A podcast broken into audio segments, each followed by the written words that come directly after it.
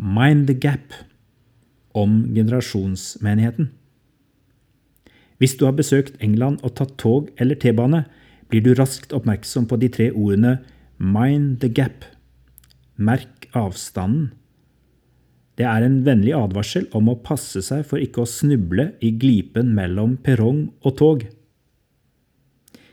Vi går gjennom en tidsepoke hvor samfunnsendringene aldri har skjedd så raskt som nå. Noen enhver kan kjenne det som om vi hele tiden kommer for seint til å rekke et tog. De hurtige endringene gjør gapet mellom generasjoner større. Der noen takler endringene lett, står andre igjen på perrongen. Og fra å være en ganske enhetlig norsk kultur, har vi på kort tid gått over til å være et land som rommer mange kulturer. Mens de unge er innfødte i en digitalisert verden, er mange av oss godt voksne mer å regne som innflyttere.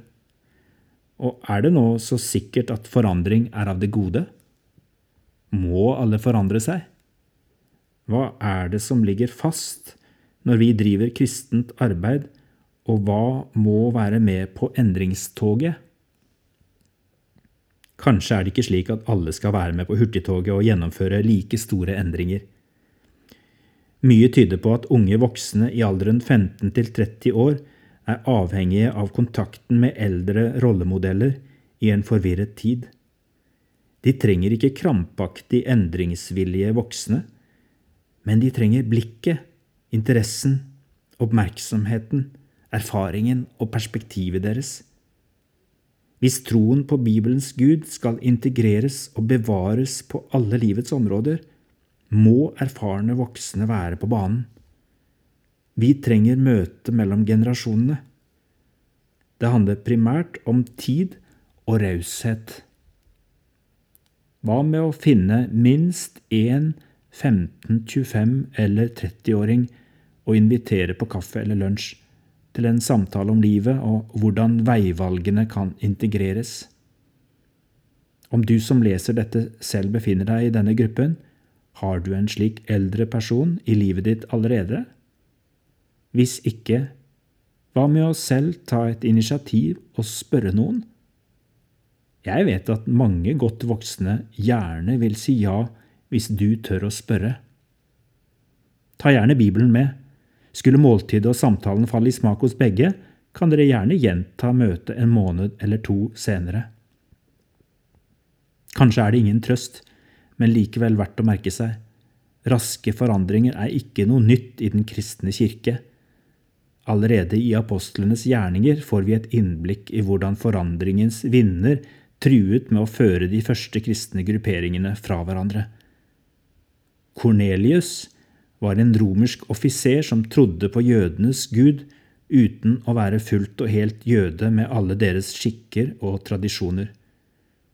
Jødiske kristne trodde at alle måtte bli jøder først for å være skikkelige kristne. Tre ganger måtte Gud tale til Peter i en drøm for at han skulle forstå at noe helt nytt var på gang. Da Peter gikk inn i Kornelius' hus, brøt han en rekke jødiske renhetsforskrifter. Peter var utenfor komfortsonen. Han tok en sjanse. Å sitte til bords med Kornelius og hans familie var for Peter som å hoppe på et tog i stor fart på vei mot et ukjent sted men så talte Gud gjennom Peter.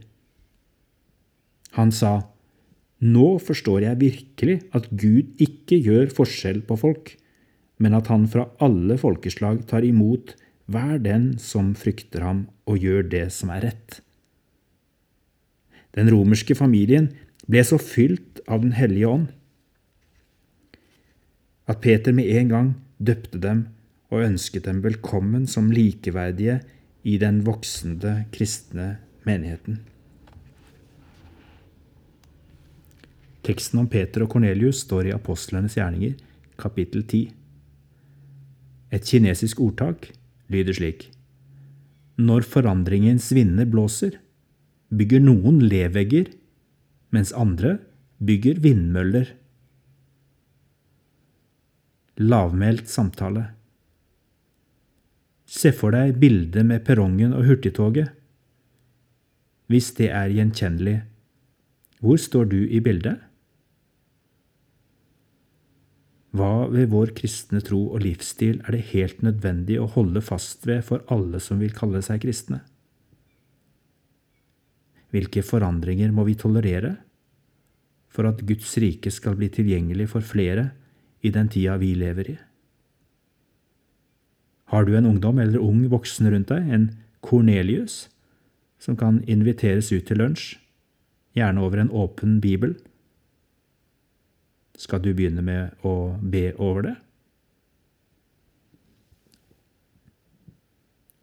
I samme rom. Det som fikk meg hit, får ikke deg dit. Min verden er ikke all verden. Mine velbrukte øyne, jeg lukker dem ofte Dine vidåpne og nye blunker sjelden. Dette rommet. Vi sitter her begge. Lysår fra meg sitter du. Kunne du bare komme hit? Men du skal jo dit. Det som fikk meg hit, får ikke deg dit. Jeg reiser gjennom rommet mot deg, så nær jeg kan komme, lærer deg langsomt å kjenne. På meg selv kjenner jeg ikke deg. Vender øynene dit du ser. Jeg med mine brukte, du med dine nye. Så lukker jeg øynene og åpner ørene. Fortell meg hva du ser. Du forteller.